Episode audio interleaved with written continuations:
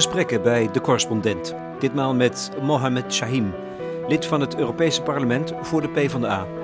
Over de energietransitie. Het bedrijfsleven dekt nu na en ik spreek met heel veel bedrijven in Nederland. En de een is inspirerender dan de ander. Laat ik, ik bedoel, we hebben het bedrijfsleven wel nodig. Die mooie plannen hebben om snel, soms ook snel versneld te vergroenen. Maar ze stellen wel om, hè. we willen wel dat doen onder een eerlijke, eerlijke uh, uh, realiteit. Dat we te maken hebben met eerlijke concurrentie. En niet dat als wij investeren, dat we te maken hebben met meer kosten. En vervolgens uit het buitenland onze concurrenten zonder die wetgeving met ons gaan concurreren binnen de EU. En daar denken we nu ook over na om dat te verbeteren.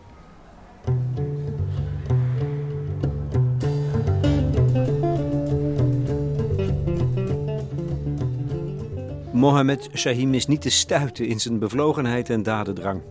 Hij is Europarlementariër voor de PvdA. Maakte nog niet eens zo lang geleden de sprong naar Brussel vanuit de lokale politiek. Hij was gemeenteraadslid in Helmond. Maar het lijkt hem amper moeite te kosten. Inmiddels geldt Shahim als een van de invloedrijkste politici in Brussel als het om de energietransitie gaat. Dat vloeit voort uit zijn positie als vicepresident van de Sociaal-Democratische fractie met de Green Deal in zijn portefeuille. Zo is hij onder meer rapporteur voor CBAM. Ja, dat is een belangrijke wet in ontwikkeling, gericht op producten die van buiten de EU ingevoerd worden. Er zal aan de grens belasting geheven worden over de CO2-uitstoot die verbonden is aan die producten. En dit betekent dat alle deuren voor Mohammed Shahim opengaan in de hele wereld. Republikeinse senatoren in Amerika willen graag met hem afspreken. Als hij in Brussel een persconferentie geeft, zitten daar 100 journalisten in de zaal. Uit Nederland, zo stelt hij met lichte verbazing vast, hooguit één. Wonderlijk, want het gaat hier om echte politiek. Om democratische besluitvorming die ons allemaal raakt. Goed, wij hebben afgesproken in de voormalige cacaofabriek van Helmond. Hernieuwbare architectuur. Hij zit daar te werken, het is reces in Brussel. En Mohamed wil een paar stukken schrijven. Dit is mijn openingsvraag. Hoeveel vinkjes heb jij? Om met Joris Luijendijk te spreken. Ja, dat, dat weet ik. ik had laatst een stuk geschreven voor uh, de Villa Media. Ik geloof dat ik vier vinkjes heb. Uh, dan moeten we natuurlijk... Dat is niet veel, man. Dat is, dus ik ben man, ik ben hetero, ik ben hoogopgeleid. Wat zou de vierde dan moeten zijn? Nou, ik weet in ieder geval, ik denk dat je wat je niet wit, niet. Nee, nee. Eén uh, van beide ouders hoog opgeleid? Nee, nee, nee. De ouders zijn gewoon uh, eerste generatie migranten uit Marokko. Vier vinkjes is niet veel. Je hoort er zeven te hebben om iets te, te, betekenen in de wereld. Is het voor jou een handicap of een voordeel? Ja, kijk, zo, heel vaak ben je helemaal niet bezig met dit soort zaken... Nee. totdat je daarmee wordt geconfronteerd. He, dus bijvoorbeeld, toen ik op de basisschool zat had ik helemaal niet door dat wij hoorden bij de zeg maar, armere mensen in Nederland. Omdat je gewoon je leven leeft en je komt eigenlijk niks tekort. Wat je niet hebt, of wat je, waarvan je niet weet dat je het niet hebt, dat, dat, dat, daar kom je ook niet tekort. Tot, en toen kwam ik op de middelbare school en dan hoor je ineens dat je...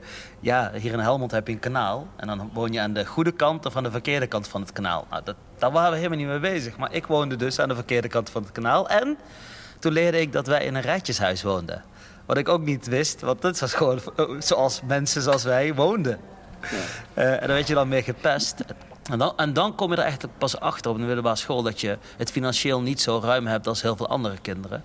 Um, dus ja, vier vinkjes of vijf vinkjes... op het moment dat je niet weet dat je het niet hebt... dan mis je het ook niet. Hè? Um, ik heb in mijn carrière heel vaak, heel vaak uh, ben ik geholpen door mensen met misschien wel meer vinkjes die heel veel in mij zagen of mij juist het duwtje in de juiste richting gaven.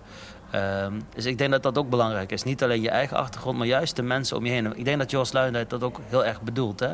Dat je heel veel mensen om je heen moet hebben die je kunnen helpen, kunnen begeleiden, kunnen, ja, als je valt, kunnen helpen met opstaan. Uh, ik denk dat dat misschien nog belangrijker is dan zelf al die vinkjes hebben.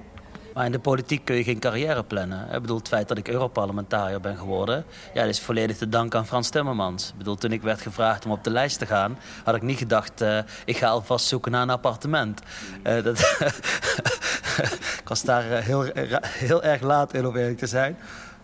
maar toen wonnen we zes zetels. Of En toen moest ik direct naar Brussel. En nou, sinds ik daar ben, probeer ik wel er alles aan te doen om voor, het, voor mezelf ook te verantwoorden dat ik vier dagen niet thuis ben. Hè? Ik heb twee jonge kinderen. Dus als ik, ben, als ik in Brussel ben, probeer ik gewoon echt al de tijd die ik heb te besteden aan politiek, aan de inhoud, aan mooie plannen. Uh, zodat als ik thuis ben in Helmond en naar mijn zoontjes ga, ja, ze ook in de oog kan aankijken en, en denken van ja, ik heb jullie uh, weer drie nachten uh, verlaten. maar ik heb daar wel iets gedaan waar ik trots op ben. Je ouders waren arbeidsmigrant. Kan me voorstellen dat hij in een fabriek terecht is gekomen. Ik weet het niet. Zo'n fabriek als dit, de cacaofabriek. Wat, wat betekent dat voor jou? de, de, is dat een erfenis waar, waar echt ook een grote verantwoordelijkheid op gebaseerd is voor jou persoonlijk? Ja, ik, kan, ik kan zeggen dat dat niet zo is, maar ik denk wel dat ik echt onbewust, misschien zelfs bewust, ben opgegroeid, of ben opgevoed, ook, ben, ook ben op, opgegroeid met het idee dat als ik faal, dat dat dan zeg maar terugslaat op zo'n hele gemeenschap of minimaal op mijn hele gezin. En dat bracht altijd wel een bepaalde druk uh, mee, om eerlijk te zijn. En toen ik bijvoorbeeld op het VWO klaar was, had ik niet het idee dat het VWO in Helmond, dat dat hoorde bij de, wat is het, 5 of 10 procent beste leerlingen uh, in Nederland. Of ik weet niet wat de precieze exacte cijfers of percentages zijn. Maar ik dacht heel erg dat dat het VWO in Helmond misschien wel makkelijker was. Dus als ik naar de universiteit zou gaan, waar ik dus geen ervaring mee had... en mijn broers hebben ook niet, hadden niet gestudeerd voor mij... zeker niet op de universiteit... Uh, dat, dat ik dan daar misschien zou falen. En dat bracht best wel wat druk mee. en toen ik econometrie ging studeren, het allereerste vak wat ik kreeg was calculus. Ja, dat heette bij ons analyse. Dan moet je via de axioma's in de wiskunde allerlei zaken bewijzen. Dat bijvoorbeeld a plus b is b plus c, dan moet a en c gelijk zijn. En ja, de eerste week had ik dat echt niet goed door. En, en uh, dat was best wel zweten. Want ik dacht echt van oké, dit, is, dit is het moment dat ik door de mand zak. Maar gelukkig begreep ik het heel snel. Hè? Kijk, wiskunde is, als het kwartje valt, dan valt het. En dan vergeet je het nooit meer. En dat kwartje viel gelukkig vrij snel. Wat ook, ook weer vrij makkelijk door mijn studie ging. Maar wel altijd met de druk, ik moet wel presteren. Want ik wil wel laten zien dat, zeker in een tijd opgroeiend met Pim Fortuyn en Wilders... Hè, dat, dat er ook Marokkaanse jongens zijn, of Marokkaanse Nederlandse jongens zijn... die wel kunnen slagen, die wel... Uh, uh, um, ja, bereiken wat, wat hem wellicht uh, te halen valt binnen de Nederlandse context. Um, en dat is mijn eigen handicap altijd geweest, toch? Um, later heb ik, een, had ik, ik heb het wel eens in de podcast erover gesproken, over um, het feit dat mijn zoontje, die sloeg een klas over. En die kwam bij een juffrouw die het leuk vond om de kinderen op basis van etniciteit in te delen. En uh, mijn zoontje kwam terug uh, en die vroeg mij, papa, ben ik Marokkaan? En ik was daar zo van geschrokken, omdat we juist, ik en mijn vrouw hem heel erg bezig waren met hem vooral Nederlands op te voeden. Het idee geven dat hij gewoon Nederlands is. Hij zegt altijd, opa en oma zijn Marokkaans. Papa en mama hebben een beetje allebei, maar ik ben gewoon Nederlands. Ik was daar heel erg van geschrokken toen. En, en, uh, maar dat bleek echt bij onszelf te liggen. Omdat wij zo bijna spastisch omgingen met loyaliteit en dubbele identiteit. Uh, dat, dat dat ons in de opvoeding best wel blokkeerde. Gelukkig zijn we door dat incident heel snel ervan afgestapt. Uh, hm. Maar wij vonden dat toen best wel schrikken. Overigens, wat deed je vader hier? Ja, mijn, mijn vader die heeft, en, mijn moeder trouwens, die hebben allerlei uh, banen gehad. Denk aan de schoenfabriek Bata, Philips, noem het maar op. Dat, ze hebben niet op, bij één fabriek gewerkt tot aan, de, uh, zeg maar tot aan hun uh, pensioen. Trouwens, ze zijn zoals heel veel eerste generatie migranten in de, in de AOW, nee, de WHO gedumpt. door bij de grote werkloosheid in de jaren 80 zijn zij daar ook ingedumpt. Ik heb me altijd afgevraagd waarom. Uh, ik ken heel veel eerste generatie migranten die in de arbeidsongeschiktheid zaten. Maar dat was gewoon een goedkope manier voor het bedrijfsleven om van deze mensen af te komen. Eigenlijk best een gênante periode. Daardoor hebben ze vaak bijna geen of een heel klein pensioen opgebouwd. Uh, maar gelukkig hebben mijn ouders zeven kinderen die uh, financieel heel veel kunnen bijdragen. Maar dat heel veel ouders dat niet hebben. En daardoor eigenlijk vrij veel te lang in armoede blijven leven. Jij gaat studeren econometrie, dat is volgens mij de moeilijkste vorm van economie. En je schrijft een, een, een proefschrift waarvan ik de titel niet eens begrijp. Dus dat moet iets heel ingewikkeld zijn. Waar, ging dat over? Nou ja, dat, dat ging. Nou ik, ik, ik, ik, zag mijn proef of mijn uh, uh, promoveren als een onderdeel van mijn studie. Ik, heb mijn studie gewoon netjes in vier jaar gehaald. En ik voelde mezelf nog te jong. dus ik dacht, ik ga promoveren. Dat, dat sluit mooi aan. Het proefschrift heet Impulse Control Maximum Principle, Theory and Applications. Ja, dat bedoel ik. dat is een theorie die gaat over systemen analyseren die zeg maar discreet continu zijn. Dus bijvoorbeeld, een van de en ik heb daar vooral algoritmen ontwikkeld en, en, wiskundige stellingen om te kijken hoe kun je nou dit soort problemen zo goed mogelijk oplossen. Je probeert dan handige trucjes te bedenken wiskundig om uh, problemen onder bepaalde voorwaarden te, het optimum te vinden. En een van de toepassingen is bijvoorbeeld de dijken. hoe, wanneer moeten we nou de dijken in Nederland ophogen? Dat is ja, de dijk is natuurlijk niet een continu systeem, dat is vrij stabiel. Hè. Tenzij je ophoogt, dan krijg je die impuls of de discrete, eh, discrete verandering. Maar wat er wel gebeurt, is de dijken die beschermen natuurlijk een economie die heel dynamisch is, economische groei. En je hebt te maken met de waterstanden die stijgen. Dat, dat is het dynamisch gedeelte. En wat je dan steeds afweegt is de kans op een uh, schade dus als de dijk doorbreekt, hoeveel schade heb ik dan? En dat, dat vergelijk je steeds met de kosten om een dijk uh, op te hogen. Dus dat heb ik daarop toegepast en dan kwamen hele goede resultaten uit. Uh, en dat vond ik ook wel heel leuk om mijn wiskundige uh, zeg maar theorie toe te passen op een ja, oer-Hollands product. dat vond ik wel heel grappig. Ja, en ook nog eens heel urgent natuurlijk, hè? Ja, ja, zeker. Het is ook heel belangrijk. En we staan ook niet zo stil bij het feit dat die dijken en dat watermanagement hier in Nederland, daar zijn we extreem goed in. Dat exporteren we nu ook, hè. dat zie je eh, bijvoorbeeld. Um, maar hoe belangrijk dat is en, en hoe fragiel ook soms de bescherming is van hele belangrijke gebieden in Nederland. Als de dijken doorbreken, hebben we echt een probleem in Amsterdam. Uh, en, en, en zoveel uh, vele andere steden. Het is interessant, omdat hier blijkt al uit wat misschien wel typisch is voor jou als, als politicus, voor de PvdA in het Europese parlement nogmaals. En je bent hier in Helmond voorzitter van de PvdA-fractie geweest. De wetenschapper en de politicus. Zijn dat niet twee zielen in één borst die elkaar bijten? Hoe kom, je bent niet de eerste natuurlijk, wetenschapper in de politiek, maar hoe ervaar jij dat eigenlijk? Ja, ik, ik, vond het heel prettig toen ik aan het promoveren was. En, en je moet voorstellen, als je dus met die wiskundige stellingen bezig bent, dat je, dan ben je echt op jezelf.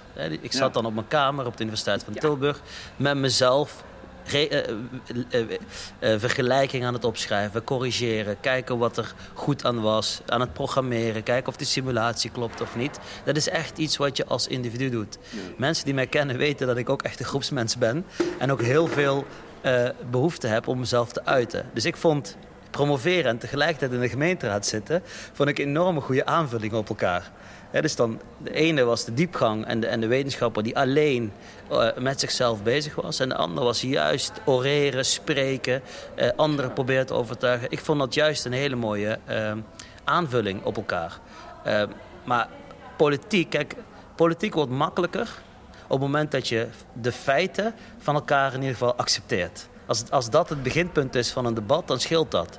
Tegenwoordig zijn die feiten, of dat, hè, de, de, de data, de feiten die we hebben, ja, die worden al bediscussieerd. Die worden al niet geaccepteerd van elkaar. En daarom worden we, zijn we steeds meer aan het polariseren. Ja, dus jij bent een betere politicus omdat je ook wetenschapper bent?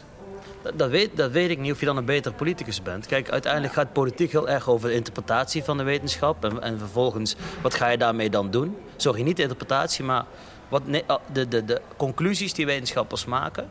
die vaak, hè, wetenschappers niet altijd de beste politicus... omdat ze ja, niet heel strak concluderen. Het is altijd met mitsen en maren, omdat dat altijd zo is in de wetenschap.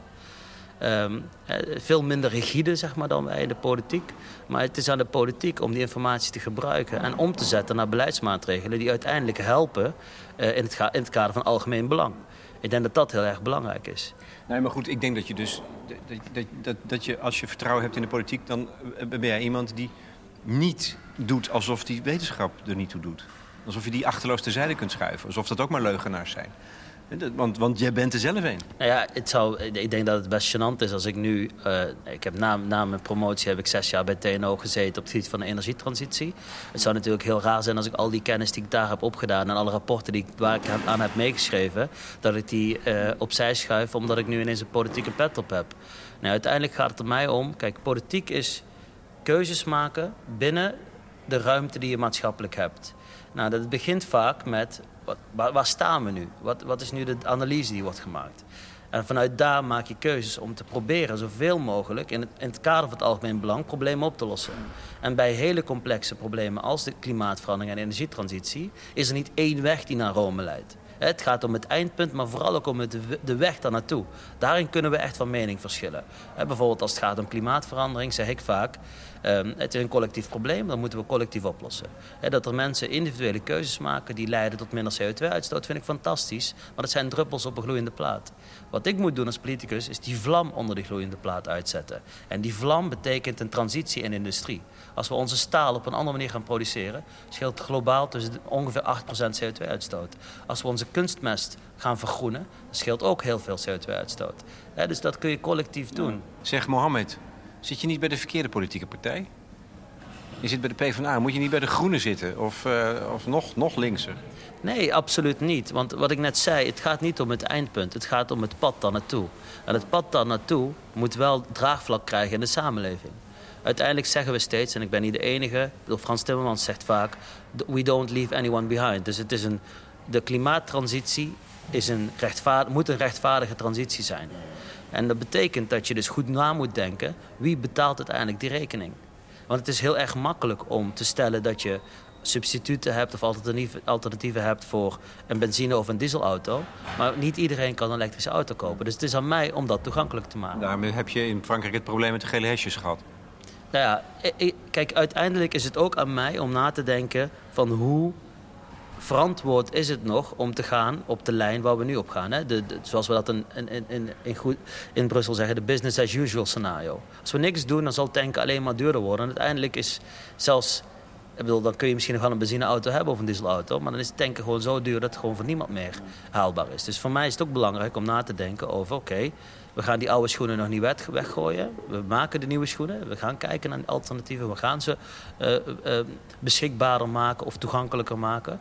Maar wel op een transitiepad waardoor we zoveel mogelijk mensen kunnen meenemen. Kijk, het is voor mij te makkelijk om te zeggen... jongen, neem een warmtepomp uh, en daarmee kun je je huis... En, en isoleer je huis en we zijn klaar. Maar ik denk dat heel veel mensen niet de middelen daarvoor hebben. Dus dan kun je twee dingen doen.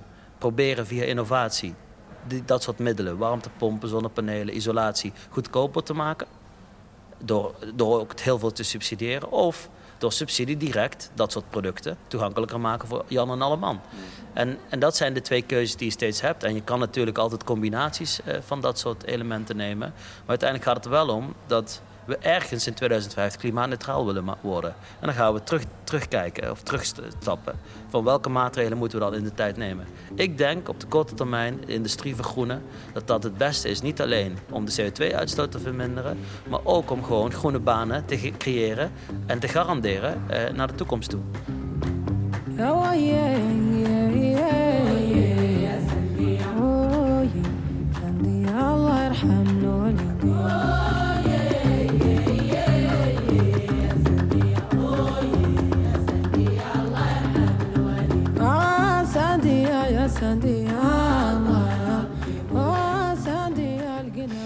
Zijn er dingen die jou, met jouw bevlogenheid en je betrokkenheid bij klimaat, maar dus, dat is dus vanuit jouw optiek de, de energie, hè? de energietransitie, die jou hoopvol stemmen? Ja, heel veel. Ik, ik, ik probeer ook altijd de klimaatverandering en energietransitie niet te benaderen vanuit catastrofale uh, toekomstbeelden, waardoor we, waar we allemaal doodgaan. Ik dacht dat, volgens mij zei, uh, ik dacht dat Keynes zei dat we op de lange termijn allemaal dood zijn. Hè? Dat is een typische economen uitspraak. Moet er wel om lachen, dat klopt. Alhoewel misschien sommigen denken artificieel hun leven misschien wel oneindig eh, te kunnen verlengen. Wie weet. Um, maar ik, ik leef ook met het idee hoor, dat er, er, zullen veel mensen doodgaan als we niet oppassen. Nee, nee. Maar en, en, en dan veel eerder dan je zou willen. Nee, maar dat, dat zie ik, hè. maar dat is even een ander onderwerp. Ik bedoel, als we gaan kijken naar de energietransitie... of eh, de energieproblemen vandaag de dag... Uh, uh, deze warmte daar kunnen sommige mensen, ook gezien de bouw die we hebben, niet aan. Dan wordt gewoon te warm binnen en, mensen kunnen daar letterlijk aan door sterven. Uh, en andersom ook. Stel je voor, we kunnen de winter de woningen niet verwarmen en je hebt de middelen niet, of, of, wat de reden daar dan ook van ook, kunnen mensen sterven omdat het gewoon te koud wordt. Uh, maar, maar op die manier probeer ik het nooit te benaderen, omdat ik echt geloof dat je uh, mensen kunt overtuigen door ook een mooi toekomstbeeld te schetsen. En als ik ga kijken naar de vergroening van onze industrie, ja, dan zijn er gewoon echt heel veel kansen. Als ik ga kijken naar hoe wij bijvoorbeeld ons staal gewoon groen kunnen produceren met waterstof. En dat is voor de producent veel duurder, dat, dat wil ik erkennen. 50% vaak duurder om groenstaal te produceren dan, dan uh, normaal staal. Maar als je gaat kijken naar het eindproduct, ja, dan scheelt dat nog geen procent op de kostprijs die we dan maken. Maar daar kunnen we wel ongeveer 8% CO2 mee verminderen. Dus heel simpel. Uh, laten we zeggen, een ton staal kosten. Bedoel, nu is het een beetje ingewikkeld met de gasprijzen, maar uh, was ooit zeg maar tussen de 300 en de 600 euro. Dat vergroenen, dat kost dus de 150 en 300 euro. Dus ongeveer 50% meer. Maar als je dan gaat, weten dat uh, een groot afnemer van die staal is bijvoorbeeld de automobielindustrie. Nou, stel je voor, je zou die 100 tot 300 euro die, e- die het extra kost om 7 oh nee, 8% CO2 te besparen, die dat extra kost, zou doorschuiven naar de consument. Dat betekent dat een auto tussen de 150 en 300 euro duurder wordt. Nou, dat is dus niet enorm veel. Er is onderzoek gedaan naar heel veel van dit soort vergroeningsmaatregelen. Maar, maar hey, oké, dit, dit, is prachtig. Dit begreep ik. Dit overtuigt me. Ik denk, ja, doen. Gebeurt het ook? Nou, mondjesmaat. Omdat en dat, is toch, dat is dus het niet optimistisch. Nou, omdat wij dus kaders moeten stellen en een toekomstbeeld moeten schetsen voor het bedrijfsleven met hele heldere doelen. Dat zijn we nu wij zijn? Wij zijn? De regeringen in Europa en de Europese Unie. We zijn nu bezig met het Fit for 55 pakket. Dat is het wetgevende, eh, de verordeningen en richtlijnen... waarmee wij 55% CO2 willen verminderen in 2030...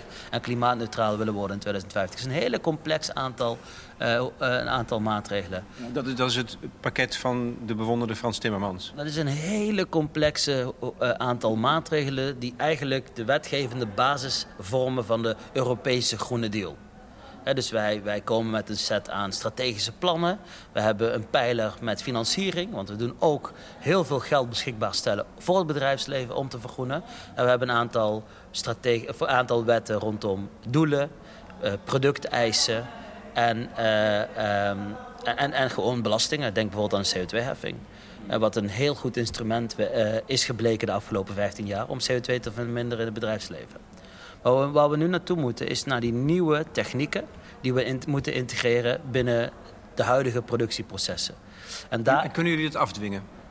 Nou ja, dat kunnen we afdwingen. Dus deels door bijvoorbeeld uh, uh, wetten. Door te stellen dat bijvoorbeeld 50% van de waterstof die gebruikt wordt in de industrie in 2030 groen moet zijn. Dat is echt een, een artikel in een wet uh, rondom de hernieuwbare energierichtlijn. Ja, want, want sorry, sorry dat ik ja. je onderbreek, maar er, er, schieten zoveel um, vuurpijlen door mijn hoofd als je dit soort dingen vertelt. Omdat het, het is een pakket wetgeving. Ja. Dus dan denk je, dan gaat het toch gewoon gebeuren. Ja. Dus dan hebben, dan hebben, oh, oh, dus waar zit dan het verzet? Of waar is dan toch de twijfel dat het wel gebeurt? Nou, wij zijn de, die, die, de wetgeving is niet afgerond. Hè? Dus we hebben vaak nu een eerste lezing als parlement. De commissie, of de, de raad heeft dat ook gedaan. En nu ga je de zogenaamde trilogen in. Waarbij je aan de ene kant het parlement, aan de andere kant de raad. Eigenlijk de vertegenwoordigers van de lidstaten. De vakministers zou je zeggen. Onder begeleiding van de commissie gaan we de wetten nu afronden. Dat, dat duurt nog echt een nou, minimaal tot aan, ik verwacht dat we in november op zijn vroegst klaar zullen zijn met de grote, grote wetten. De emissiehandelssysteem, de koolstofgrenscorrectie, waar ik de rapporteur van ben. En, en zo zijn er nog meer eh, van dat soort wetten. Die zijn heel belangrijk en die leggen de basis. Ja, ja want dan zeg je, maar dat is, daar zit dus wel nog spanning. Ja, dat je zegt, er is een pakket wetgeving, maar eigenlijk is dat dus nog niet zo. Dat moet nog uitonderhandeld worden. Ja. Nee, maar daar zijn we nu mee bezig. Dat is democratie. De commissie komt met een voorstel. Het parlement geeft een positie, neemt een positie en de, de raad doet dat. En vervolgens ga je samen zitten. Want we bezitten 50% van de wetgevende bevoegdheid. En tot nu toe is dat altijd goed gegaan. Dus ik heb geen reden uh, uh, dat dat dadelijk uh, na de zomer niet goed gaat. We hebben de eerste trilogen gehad. En ik heb wel, ik heb wel hoge verwachtingen dat wij in november daar klaar mee zullen zijn. Misschien december. Maar we proberen in ieder geval voor het einde van het jaar alles af te ronden. En bijvoorbeeld dat emissiehandelssysteem is, is, een, heel, eh, is een heel geniaal systeem. Het zegt gewoon, dit is de hoeveelheid CO2 die we nog mogen uitstoten. Dat verlagen we ieder jaar totdat je bij het doel komt van 2030 en uiteindelijk bij het doel komt van 2050. En de beschikbare rechten, CO2-rechten, die worden uh, geveld. Dus dat is een systeem wat automatisch werkt, want je hebt een cap en je hebt een trade. En, en dat werkt gewoon goed. Ja, en, en, en het wordt gehandhaafd. En het wordt gehandhaafd, want je kan niet meer uitstoten dan dat je rechten hebt die je moet kopen uit de markt. En, uh, maar dat wordt ook allemaal gemeten. Dat wordt zo, want, want, want die bedrijven, die staalindustrie, die kan het misschien dan gewoon wel blijven doen wat ze niet mogen doen. Nee, er zijn echte partijen die dat dan toetsen. Uh, valida validators, hoe zeg je dat, uh, die de validatie doen ook van het proces wat het bedrijf aangeeft van hoeveel zij CO2 uitstoten. Maar het mooie is dat op een gegeven moment de CO2-prijs, kijk, hoe minder aanbod, en hoe hoger de vraag, hoe meer men betaalt voor de CO2-rechten. Dus je ziet al dat we bijna richting de 100 euro per ton CO2 gaan. Dat is ook het moment dat het bedrijfsleven echt de afweging moet maken. Zeker als ze moeten investeren in nieuwe technieken. Ja, blijf ik doorgaan met de huidige technologie, wetende dat die prijs alleen maar stijgt? Of ga ik over naar CO2-armere uh, um, uh, productietechnieken? En je ziet dat dat echt werkt. Want waar jij je persoonlijk heel veel mee bemoeid hebt, um, Mohamed Shahim, dat is CBAM heet dat, geloof ik. Dat is een van die maten en regels, wetten uh, in het pakket. Ja. en dat gaat over het heffen van belasting eigenlijk op producten uit het buitenland van bedrijven die CO2 uitstoten. Dus, ook in dus, dus daarmee kan je het, bedrijf, het buitenland zelfs beïnvloeden. Buiten, dat wil zeggen buitenland, buiten Europa. Ja. ja, dit is eigenlijk de meest, dit is de nieuwste maatregel die de Europese Commissie heeft bedacht. Alle andere maatregelen bestaan al, maar worden, uh, worden geherijkt. Um, en soms worden de ambities verbeterd om in lijn te zijn met zeg maar, Parijs en met de klimaatwet die we hebben vastgesteld in Europa. Uh, maar de, de, Carbon Border Adjustment Mechanism, in het Nederlands zeggen we koolstofgrenscorrectie, maar dan snapt nog steeds niemand het. Maar, maar dat is eigenlijk het enige instrument dat we hebben waarmee we kunnen afdwingen dat producenten buiten Europa eigenlijk gehouden worden aan dezelfde maatregelen als producenten binnen de EU. En wij stellen daar gewoon vast dat als jij jouw producten, we hebben nu een aantal sectoren gekozen om te starten, Um, uh, als jij van die producten importeert in de EU, dan moet je dezelfde CO2-heffing betalen als dat dezelfde producenten binnen de EU doen. En dat is gewoon een heel mooi instrument waarmee je anderen buiten de EU, als zij hun producten in de EU willen verkopen, de op één na grootste consumentenmarkt in de wereld, uh, het is een mooi instrument om anderen te dwingen ook schoner te produceren. En ik merk dat heel veel landen met wie ik spreek, uh, die zeggen ook, vertel ons gewoon waar we aan moeten voldoen. En we doen het, want we willen die Europese markt niet verliezen. En daarbij komt ook nog dat we niet de enige zijn in de wereld die nadenken over dit soort instrumenten. Ik spreek veel met Amerikaanse senatoren en, leden van het huis, die ook zeggen die eerst zeiden tegen mij, Mohammed, dit is een, dit is een unilaterale maatregel tegen de handelsstromen uit de VS. En, en ongeveer een half jaar later zeiden dezelfde mensen die, die de EU aan het aanvallen waren, zeiden nou, dit is een heel mooi multilateraal instrument waarmee wij ons bedrijfsleven kunnen beschermen tegen oneerlijke concurrentie, bijvoorbeeld uit Azië. Waar ze bijvoorbeeld uh, drie keer zoveel CO2 uitstoten om hetzelfde product te maken. En we hebben daar dus een voordeel. En dat voordeel moeten we nu gebruiken om onze industrie te beschermen.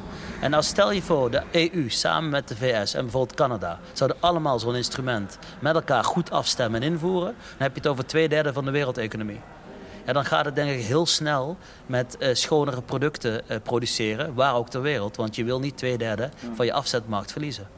Dus ik snap dat je van dit soort dingen uh, blij wordt... en dat je daar ook met zoveel energie voor inzet trouwens, persoonlijk. Hè? Want je bent uh, de rapporteur voor uh, het parlement over deze, deze specifieke maatregel. Die is er dus. Maar dan moet je toch nog gaan onderhandelen met de Europese Unie. met de Raad. Ja. Dat zijn al die, de lidstaten van Europa in feite.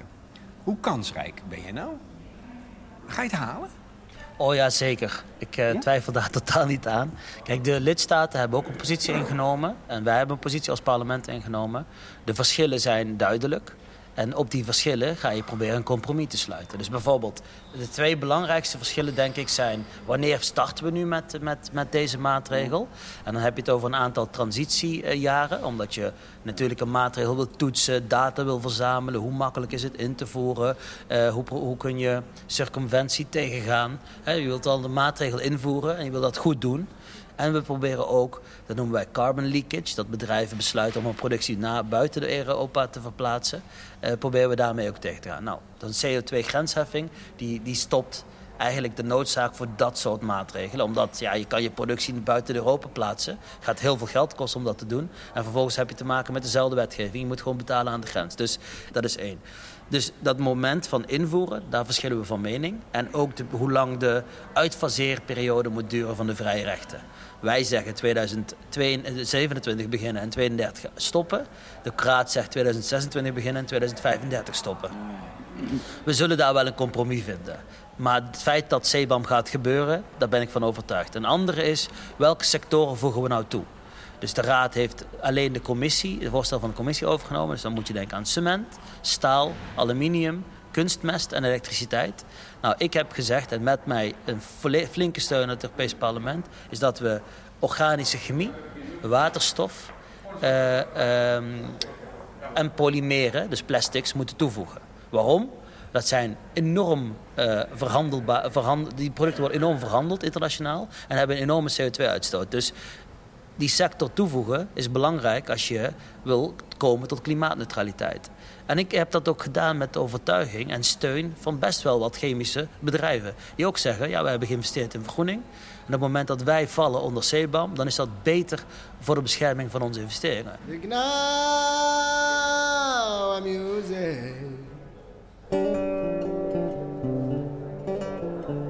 I got it in my mind.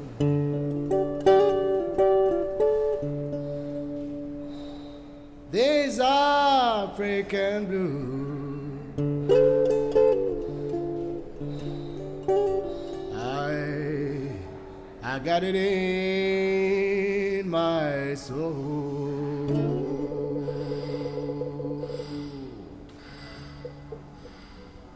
Dus dit zijn voorbeelden van dingen die jou optimistisch stemmen. Waar word je nou heel pessimistisch van? Nou, wat, wat, ik vaak een beetje vreemd vind, is dat wij aan de ene kant politici altijd klaarstaan om een bordesfoto te maken en met andere politici op het moment dat er weer een, een vergezicht is geschetst. Het Parijsakkoord vonden we natuurlijk fantastisch. Het feit dat wij in Europa een paar jaar geleden de klimaatwet hebben vastgesteld, vonden we fantastisch. Dat zijn allemaal doelen. Het is altijd makkelijk om te zeggen, ik wil nu uh, uh, proberen af te vallen. Uh, mijn doel is onder de 80, 75. Het is heel makkelijk om dat te stellen. Maar vervolgens moet je daar keihard voor werken. Het feit is dat om die klimaatwet uiteindelijk niet... Uh, uh, om je te houden aan die wet, heel simpel. Het is een wet die we allemaal met elkaar hebben vastgesteld. Niet alleen het parlement, ook alle lidstaten. Dat vergt dus een aantal maatregelen. En die maatregelen die zijn niet makkelijk. Het doel vastleggen, dat vinden we fantastisch. De maatregelen om te komen tot dat doel, ja, die kunnen leiden tot paniek. Want iedereen heeft wel een sector die dan meer of minder wordt geraakt. Iedereen heeft wel een bedrijf in zijn regio dat meer of minder wordt geraakt. En dan worden politici vaak zenuwachtig. En dan denk ik, ja, je moet wel leiderschap tonen. Je moet wel dat vergezicht niet alleen schetsen, maar ook het pad daar naartoe met elkaar maken. En dat is politiek leiderschap. En natuurlijk hebben we ook te maken met een energiecrisis. Maar voor mij betekent die energiecrisis waar we nu te maken hebben... dat we eigenlijk tien jaar achterlopen op verduurzaming. Dus neem nu alle kansen die we hebben om meer te investeren in vergroening eh, van onze industrie... maar ook in het creëren van groene elektriciteit. Om ook minder afhankelijk te zijn van landen als Rusland. In plaats van een pas op de plaats te maken en elke... Eh, eh, ja, elke beer op de weg zien als een excuus om maar niet door te reizen. Is Europa in staat om die energiecrisis, die acuut is, hè, vanwege de oorlog in Oekraïne, om die te pareren? Wat zie jij voor beweging in Europa vanuit, uh, vanuit Brussel? Kijk, eh, Europa gedijt heel goed op crisis.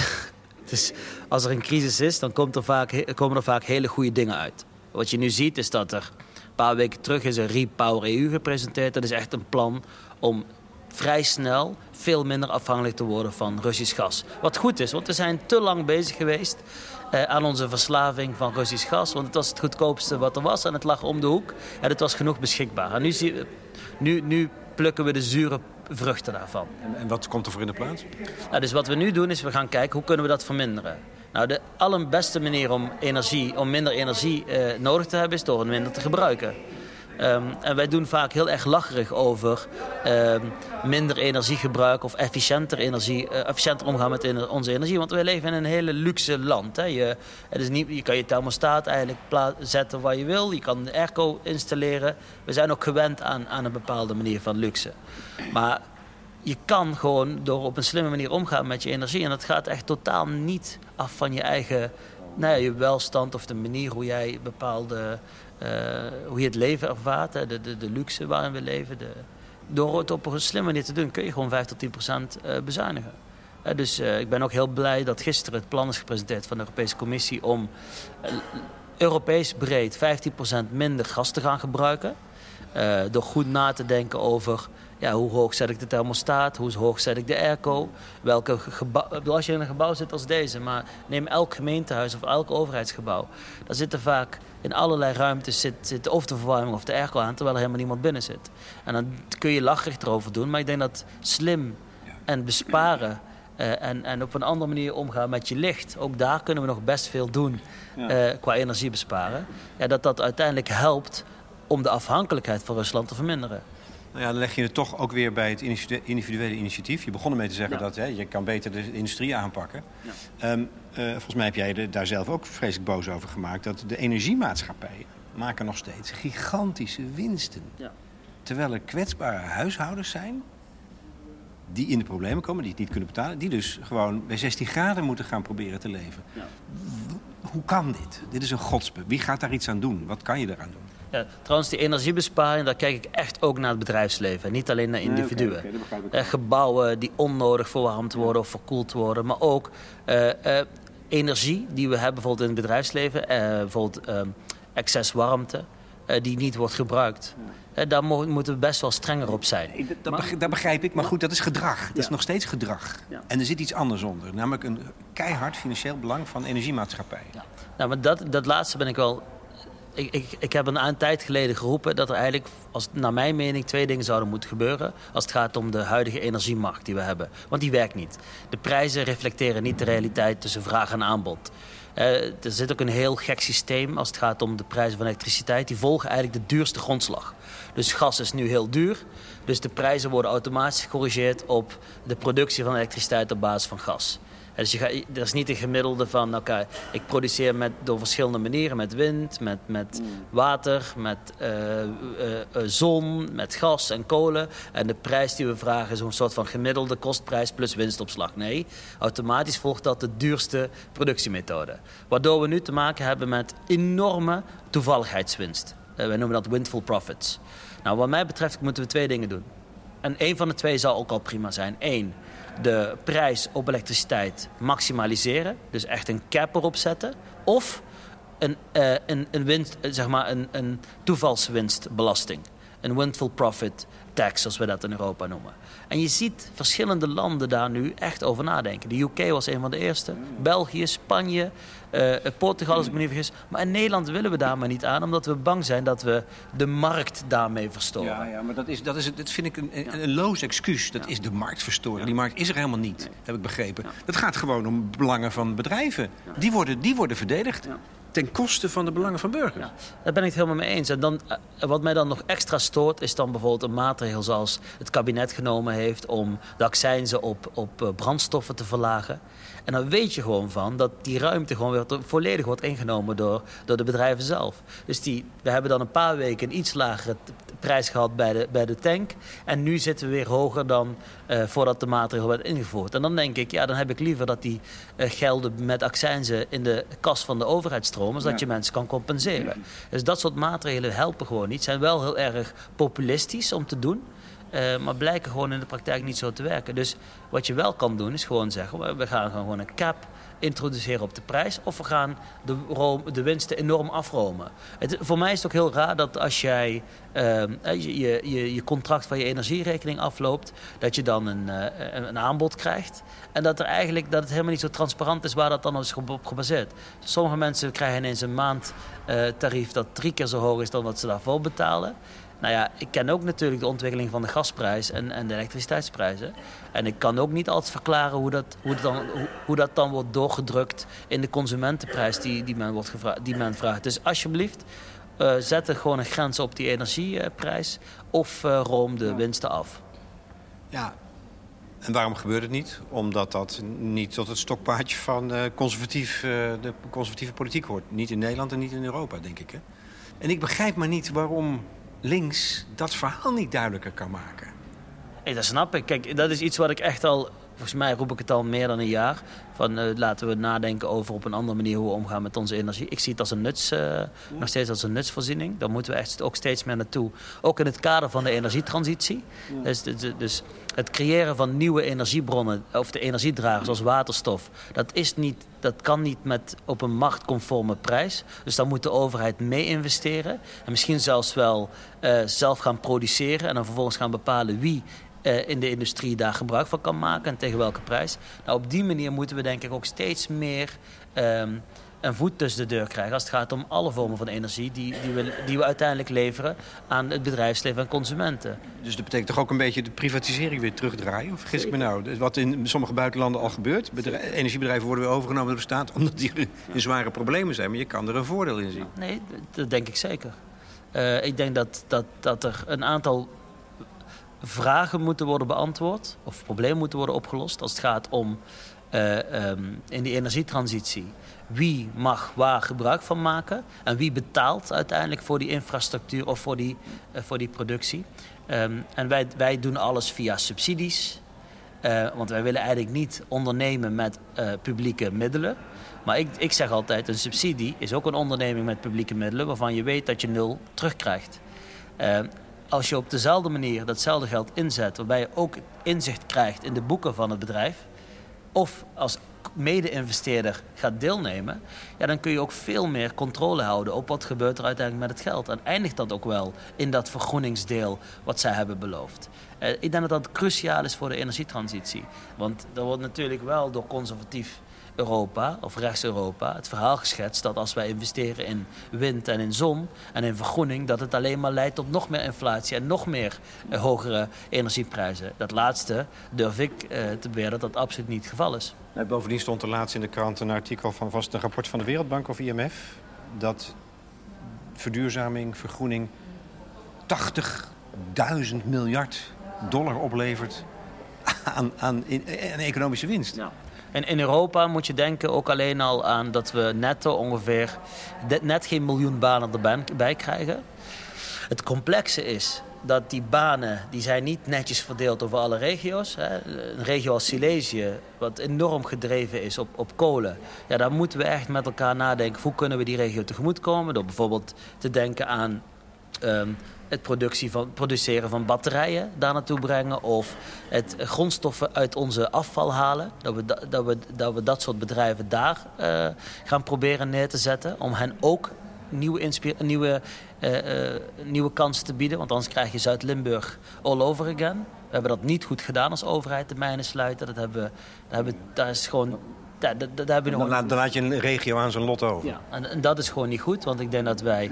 De no, leave, leave no one behind principle is voor mij erg belangrijk. En ik denk dat er ook heel veel kansen zijn. Maar daar vergt wel actieve overheidsbeleid. We moeten niet denken dat er een onzichtbare hand dat allemaal perfect gaat organiseren. Kijk, als het gaat om de energietransitie zal er ook bijvoorbeeld de materialen die we nodig hebben om bepaalde doelen te halen, zal er enorm veel concurrentie zijn. En neem nu waterstof, dat kunnen we met elektriciteit kunnen en elektrolyse kunnen we uit water waterstof maken. Wat we kunnen gebruiken voor de vergroening van onze industrie. Wat we kunnen gebruiken om bijvoorbeeld ook synthetische brandstof te maken voor onze schip, schepen en luchtvaart. Dus je kan straks naar Ibiza vliegen zonder dat je vliegschaamte hebt. Want dat is op zijn minst CO2-neutraal. Um, die waterstof, om dat te maken op basis van de huidige technologieën, heb je een aantal kritieke materialen nodig. En, en die materialen die concurreren bijvoorbeeld met de toepassingen in de telecommunicatie. Dus op het moment dat je het aan de markt overlaat, dan zal bijvoorbeeld een, een materiaal als iridium, die zal eindigen in allerlei telecomproducten. Want daar is een mooi business case van en dat, dat is al rendabel.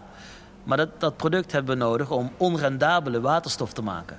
Nou, op het moment dat de overheid dus die allocatie niet gaat sturen, dan gaat het er nooit van de grond komen. En dat kan, dat kan door subsidies of wetgeving of belasting. Of uh, die bedrijven zelf opzetten. Ik heb een tijdje terug een opiniestuk geschreven over Gasterra. Gasterra is eigenlijk... Uh, je had ooit gasunie. En dat werd door Europa moest dat gesplitst worden. De infrastructuur en zeg maar het product, dat moest los van elkaar. Nou, het een werd gasunie, bleef gasunie, het ander werd Gasterra. Zij kopen en handelen eigenlijk onze gas. kopen op in Europa en verkopen ook. En dat, dat dreigt, ik geloof in 2023 aan het begin van het eind wordt dat bedrijf opgeheven. Daarvan heb ik gezegd, maak daar nou onze waterstofvehikel van. Zorg ervoor dat zij, met alle kennis van die internationale energiemarkt en gasmarkt, dat die mensen ingezet worden om gas, eh, energie, uh, waterstofprojecten wereldwijd mede op te zetten, maar ook waterstof uh, te gaan inkopen voor het bedrijfsleven. Want we moeten niet vergeten, wij zijn de Amsterdam, Rotterdam, Antwerpen regio is de op één na grootste chemiecluster in de wereld. Als je daar Camelot in Geleen bij optelt en het Roergebied, dan zit je misschien wel op de grootste chemiecluster in de wereld. Die cluster draait op koolwaterstoffen. Die koolwaterstoffen halen we nu uit gas of uit olie.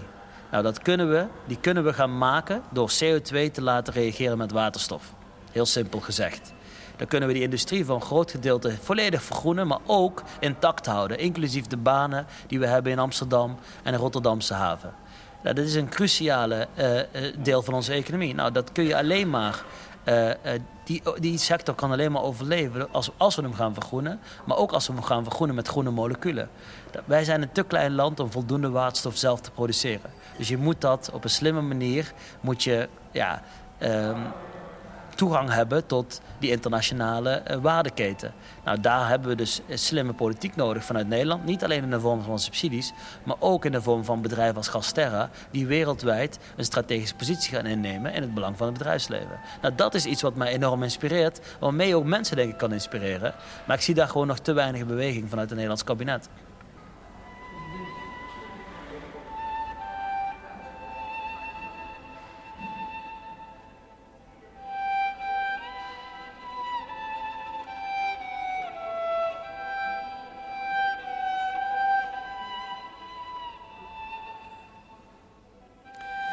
Er zijn nog meer, al dan niet wilde plannen om de energiecrisis het hoofd te bieden. Zoals bijvoorbeeld een samenwerking met Marokko, waar je zoveel zonne-energie zou kunnen produceren dat je heel Europa van elektriciteit kan voorzien. Maar goed, dit is pas het eerste van een kleine serie gesprekken over de energietransitie, dus dat komt later nog wel aan bod. Er zijn in ieder geval nog twee andere kwesties die ik Mohamed Shahim voor wil leggen. En die inzicht geven in het werk en de gedrevenheid van deze Europarlementariër. Onlangs was hij nog in Polen ja, waar ze echt, echt heel veel steenkool produceren, nog altijd. Hij is daar het gesprek aangegaan met de fabrieken, de arbeiders. Ja, dus ik heb, ik heb dat twee dagen rondgehangen. in uh, gesprek met, met de politici, zeg maar, regionaal. De, de, zeg maar, de regionale marshals, zoals ze dat dan noemen. Uh, en dan probeer je ze te overtuigen van jouw verhaal? Nou ja, je gaat in eerste instantie met elkaar in discussie. Je krijgt gewoon vragen en je probeert erop te antwoorden. Dat, bij het bedrijfsleven ging dat over het algemeen wel oké. Er wordt natuurlijk wel wat kritiek gegeven op de maatregelen. En, en, en vooral ook over de, um, in hoeverre het haalbaar is voor een regio als, als die van hun om, die transitie te maken. En uh, het geld wat vanuit Europa komt is natuurlijk nooit voldoende. Um, maar de dag erop zat ik met de vakbonden. En dat was een pittig gesprek. Um, dat ging er heel hard aan toe. Ja? Uh, ik zat dan met een oortje en er werd een aantal keer gezegd dat wij de, de green moron zijn. Want de rest van de wereld doet niet wat wij doen. En daardoor uh, ontnemen we onszelf eigenlijk de positie die we vandaag hebben met goedkope kolen, bij wijze van spreken. En dan wordt er met de vuist op tafel geslagen? Jazeker, jazeker. En er wordt heel uh, expliciet verteld wat ze van je vinden. En wat, doe je, wat doet dat met jou dan? Ik heb daar totaal geen moeite mee. Ik ben ook op een gegeven moment... Uh, ik heb wel verteld dat ik hier een eerlijk verhaal wil komen vertellen. Ik wil je niet voor de gek houden. Uh, daarvoor uh, ben ik niet vanuit Brussel naar naartoe gereisd. Um, en vervolgens gewoon wel eerlijk vertellen dat die mijne, die deal die gesloten is... Uh, met de sociale, met de vakbonden om in 2049 de laatste mijn te sluiten. En eigenlijk het uitfaseerperiode, die begint al ergens in, de, in 2030, dat dat gewoon een realistisch plan is. Want ik snap dat jullie heel trots zijn om in de mijnen te werken. Maar ik weet ook dat mijnwerkers naast dat ze heel trots zijn om in de mijnen te werken, eigenlijk willen dat hun kinderen daar niet terechtkomen. Ik zeg, en het is in ons belang om ervoor te zorgen dat wij een realistische alternatief voor jullie gaan ontwikkelen. En ik zie die, maar ik zie niet de, ik zie niet de actiebereidheid. Nou, ik zie nog niet dat de Poolse overheid de juiste stappen neemt om jullie daarbij te helpen. En ik zeg, ik kan jullie vertellen, mensen zijn ook niet gek. Want er was ook bijvoorbeeld iemand van de automobielindustrie die zei... ja, die elektrische auto's, dat is helemaal niks. Dat is alleen maar heel vuil en je moet minimaal 100.000 kilometer rijden... voordat ze schoon zijn. Nou, dan van, daar zeg ik dan meteen van ja, sorry, dit klopt gewoon niet. Ze zijn natuurlijk veel schoner dan, dan, dan de, de normale verbrandingsauto's. Ik zeg, maar daarnaast, even los daarvan, hè, als in 2027 of 2028 een elektrische auto goedkoper ook is in de aanschaf, wat nu de verwachting is, dan is het ook, dan is het niet alleen het gebruik goedkoop, maar ook de aanschaf. Voor wie ben je dan aan het produceren? Mensen zijn niet gek. Mensen gaan natuurlijk altijd het goedkoopste alternatief kopen. Ik zeg en toevallig. Uh, vertelde mijn collega Mark Balt over een taxichauffeur in Polen die een, uh, die een, die een taxi had, die een Tesla had gekocht en een taxi heeft. En die vertelde dat hij 100 kilometer reed voor 5 slotti. Ik zeg dat een tank, 1 e-, liter benzine, is nu 8 slotti. Dus, dus wij moeten wel jullie ook meenemen in die verandering, maar ook in die positieve verandering die er gaat komen. Maar lukte dat ook een beetje? Uiteindelijk zeker. Want uiteindelijk wilden ze met me op de foto, we hebben handen aan het schudden. en zeiden ze: Mohammed, je bent de eerste vicepresident, want ik ben ook vicepresident van de Sociaaldemocraten in het Europees Parlement. Je bent de eerste vicepresident die ons is komen bezoeken. Wat ze heel bijzonder vonden. En waarop ik antwoordde dat ik waarschijnlijk ook de tweede zal zijn. Want ik kom nog terug, omdat ik het ook belangrijk vind om die mensen mee te nemen in je visie uh, die we hebben in Europa. En uiteindelijk, als jij een mijnwerker hebt en we hebben nog geen zicht in zeg maar, vernieuwing van industrie, want die mijnen gaan gesloten worden. Dat zullen verliezers zijn. Maar op het moment dat we dus daar niet nieuwe sectoren gaan ontwikkelen, ja, dan laten we die mensen uh, hangen. En dat wil ik niet, want ik voel me niet alleen vertegenwoordiger van mensen in Nederland, maar zeker ook mensen in de regio als Silesië. Want als ik hen kan overtuigen voor die energietransitie, dan kan ik ook in Helmond mensen overtuigen dat ik wat ik doe in, wat, het werk wat ik doe in Brussel, dat dat echt relevant is en dat het ook in hun belang is. En dat is wat mij wel drijft als politicus. En dan nog één groep, de boeren. Je zit hier te werken in deze voormalige cacaofabriek. En je hebt een boekje meegenomen, volgens mij ook studiemateriaal, uh, van het CDA, van de vijand. nou, zo bekijk ik het niet. Maar je, maar je, je, je wilde met, wat is het, 1997? ik, had, ik, had, gisteren een gesprek met een, een goede vriend, uh, Henry Geerts. En die bracht het mee voor mij om, mee te om, om het te lezen. Hij had het al een paar keer genoemd. Kijk, als je, gaat als je kijken naar die hele stikstofdiscussie in Nederland, dan wordt er wel af en toe gedaan dat dit enorm verrassend is en dit heel erg nieuw is. Maar de oudste publicatie die ik zag was geloof ik uit 1965 of 67 van een ambtenaar van het ministerie van Landbouw, ik dacht Landbouw, Natuur en Visserij, die waarschuwt voor de stikstofophoping in Nederland. En dit is een publicatie uit 97 van het CDA. Ik denk dat dit bijna revolutionair is geweest in 97 als ik lees wat hier allemaal in staat rondom vergroening van onze industrie, vergroening van landbouw, ehm, de belang van redmeterschap als het gaat om eh, verduurzaming. Ehm, ja, uh, hoe je zuinig moet zijn met energie. Eigenlijk alle thema's die we nu bediscussiëren staan daarin. Met stukken van uh, Lubbers, Merkel. Uh, weet je, ik denk dat de politiek zich niet kan verstoppen achter... ja, dit is allemaal nieuw en dit wisten we niet. Maar wat uiteindelijk denk ik in de landbouw moet gebeuren, is dat er een ander verdienmodel moet komen voor de boeren. De boeren hebben geen verdienmodel, maar de boeren zijn een verdienmodel. En ik vind het best... Dat begrijp ik niet. Nou ja, wat, wat je ziet is dat de boeren, als je gaat kijken naar hun inkomsten... dat ze voor een deel afhankelijk zijn van landbouwsubsidies uit Europa... en een deel van het geld dat ze ophalen van het product dat ze verkopen. Voor heel veel van die producten wordt er gewoon onder de kostprijs geleverd. Ik, bedoel, ik las een stuk dat ik kreeg als raad of als uh, Europarlementariër kreeg ik een brief van de Nederlandse zuivel uh, of van de melkboerenvereniging. Die vertelde mij in de brief van, joh, alsjeblieft hou de landbouwsubsidies in stand. Want de boeren hebben de afgelopen zoveel jaar gemiddeld geproduceerd voor rond de 60 cent per liter. En we krijgen iets van 32 cent of zo per liter melk. Nu krijgen de boeren iets meer, maar dat is op dat moment. Dus je produceert iets en je krijgt de, ongeveer de helft van de kosten krijg je terugbetaald. Dat, dat vind ik gek. Dat je kostprijs hoger is dan de prijs wat je voor de markt krijgt. Dat is niet een model wat duurzaam is. Er wordt voor een deel gecompenseerd met landbouwsubsidies. Maar dat zou het niet zo moeten zijn. Maar eigenlijk, want ik, ik las een artikel van je dat, je dat hier heb je dus macht. Tenminste, zou je macht kunnen hebben vanuit Europa. Dat je zegt, die subsidies, die subsidiestromen kun je verleggen. Ja. Om die boeren te dwingen uh, uh, duurzaam te gaan. Werken. Toch? Dat is het idee. Dat kan toch, maar het is niet gebeurd. Nee, maar uiteindelijk denk ik dat, dat als het de boer gewoon met minder productie een betere of een minimaal dezelfde boterham binnenhaalt, dat de boer daarvoor kiest. Kijk, ik las een artikel dat een, een, een aardappelboer, wat kost aardappelen per kilo in de supermarkt, een euro 50 tot 2 euro. Uh, die krijgt ongeveer 15 cent per kilo aardappelen. En als hij alle kosten ervan afhaalt, houdt hij 1 of 2 cent winst per kilo aardappelen over. Ik vind dat gek. Dat blijft veel te veel hangen bij de banken, de veevoederbedrijven, de transportbedrijven, de slachthuizen, de, de, de opkopers, de tussenhandelaren. En, en dat zijn wij gewoon normaal gaan vinden. We produceren heel efficiënt en wij zijn dat heel normaal gaan vinden. In Frankrijk hebben ze een prachtige wet bedacht. EGalim. Dat staat voor uh, l'État général de la limitation. Mijn beste Frans, hè? maar waar het om gaat is dat zij met elkaar afspraken hebben gemaakt... tussen opkopers van producten en boeren. En het is heel simpel. Uh, je maakt met elkaar afspraken. Als boer sluit je aan bij een opkopende partij. Je maakt afspraken voor drie jaar. Je bent transparant in je kostprijs. Je krijgt kostprijs plus winstopslag. winstopslag.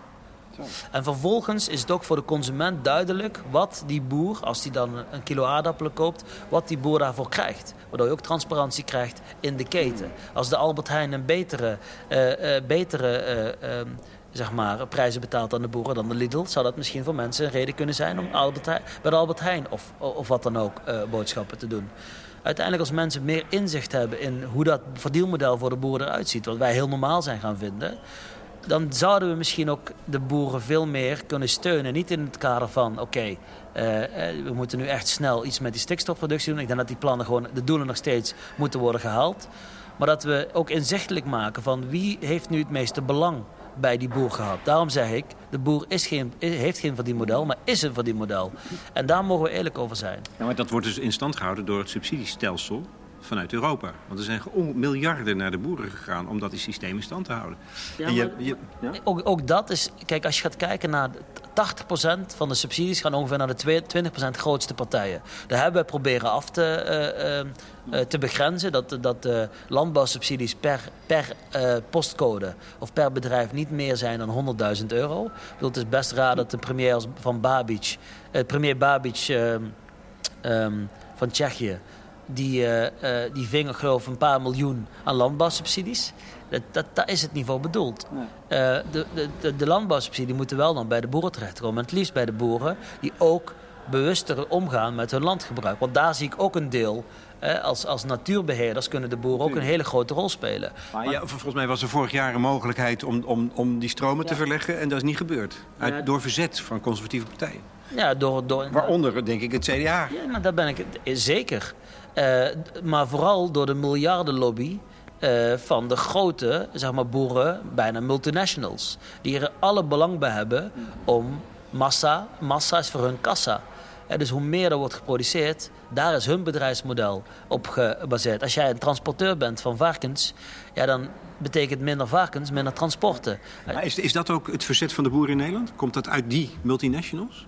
Is dat, of, of, of want, hoe ziet dat? Nou, ik denk wel dat, eh, dat daar wel dat er voldoende bewijs is dat die, dat die, dat die protesten ook goed worden uh, gefinancierd vanuit de grote agribedrijven. En nogmaals, ik heb niks tegen de boeren. Ik heb een van mijn eerste baantjes was bij een boer in het dorpje Zeeland. Fantastische melkveehouder, mooi mens. Jij was 15?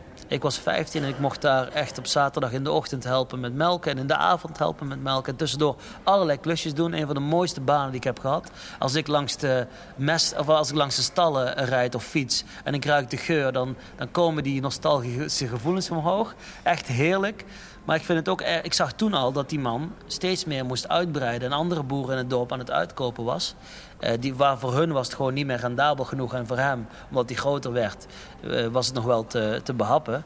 Maar dat, dat, uh, dat, dat die manier van denken, daar moeten we echt vanaf.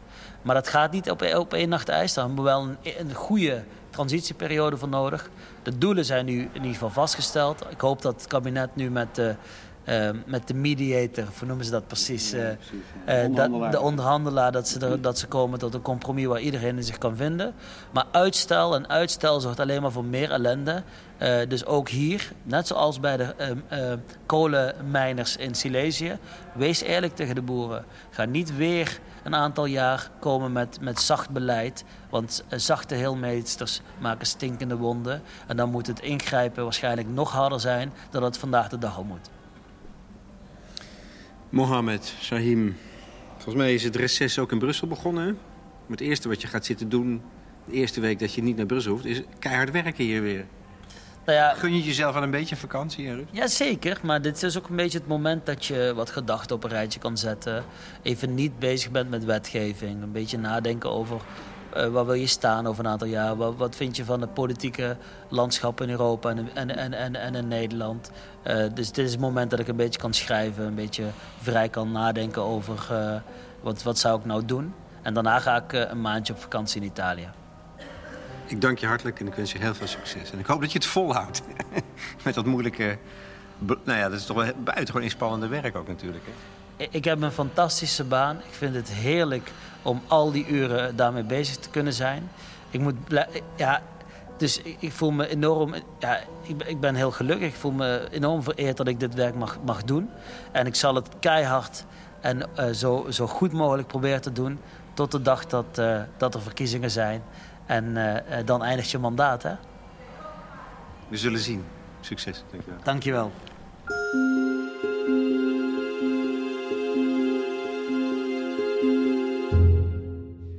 Mohamed Shahim in gesprek met Lex Bolmeijer voor de correspondent. Dit was het eerste van een kleine reeks over energie en de energietransitie. Volgende week de activiste Laurie van den Burg. Een veelvoud aan constructieve ideeën heeft deze Europarlementariër in zijn hoofd. Ik ben benieuwd wat jullie ervan vinden. Reacties zijn welkom op ons platform. Dat is toegankelijk voor leden van de correspondent. En over dat lidmaatschap volgt zometeen nog een mededeling. Wat de muziek betreft, tenslotte, ik vroeg na afloop Mohammed naar zijn favoriete muziek. Hij antwoordde: Als ik lees, zet ik vaak Gnawa-muziek op de achtergrond. Gnawa is een mystieke Arabisch-Afrikaanse muziekstroom met heerlijke baslijnen. Zo hoorde je onder andere Asma'a Hamzawi. En ik maakte ook een klein uitstapje naar Polen met de CD East Meets East van Nigel Kennedy en de Krokke Band uit Krakau.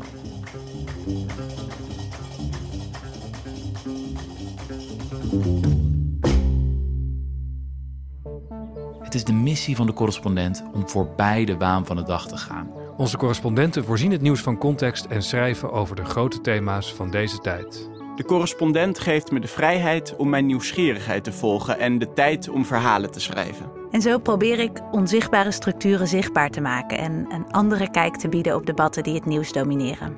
Dan gaat het minder over het spelletje en veel meer over wat er op het spel staat.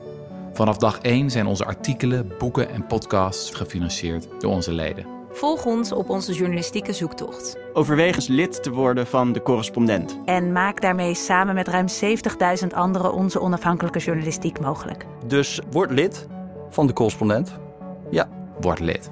Word lid.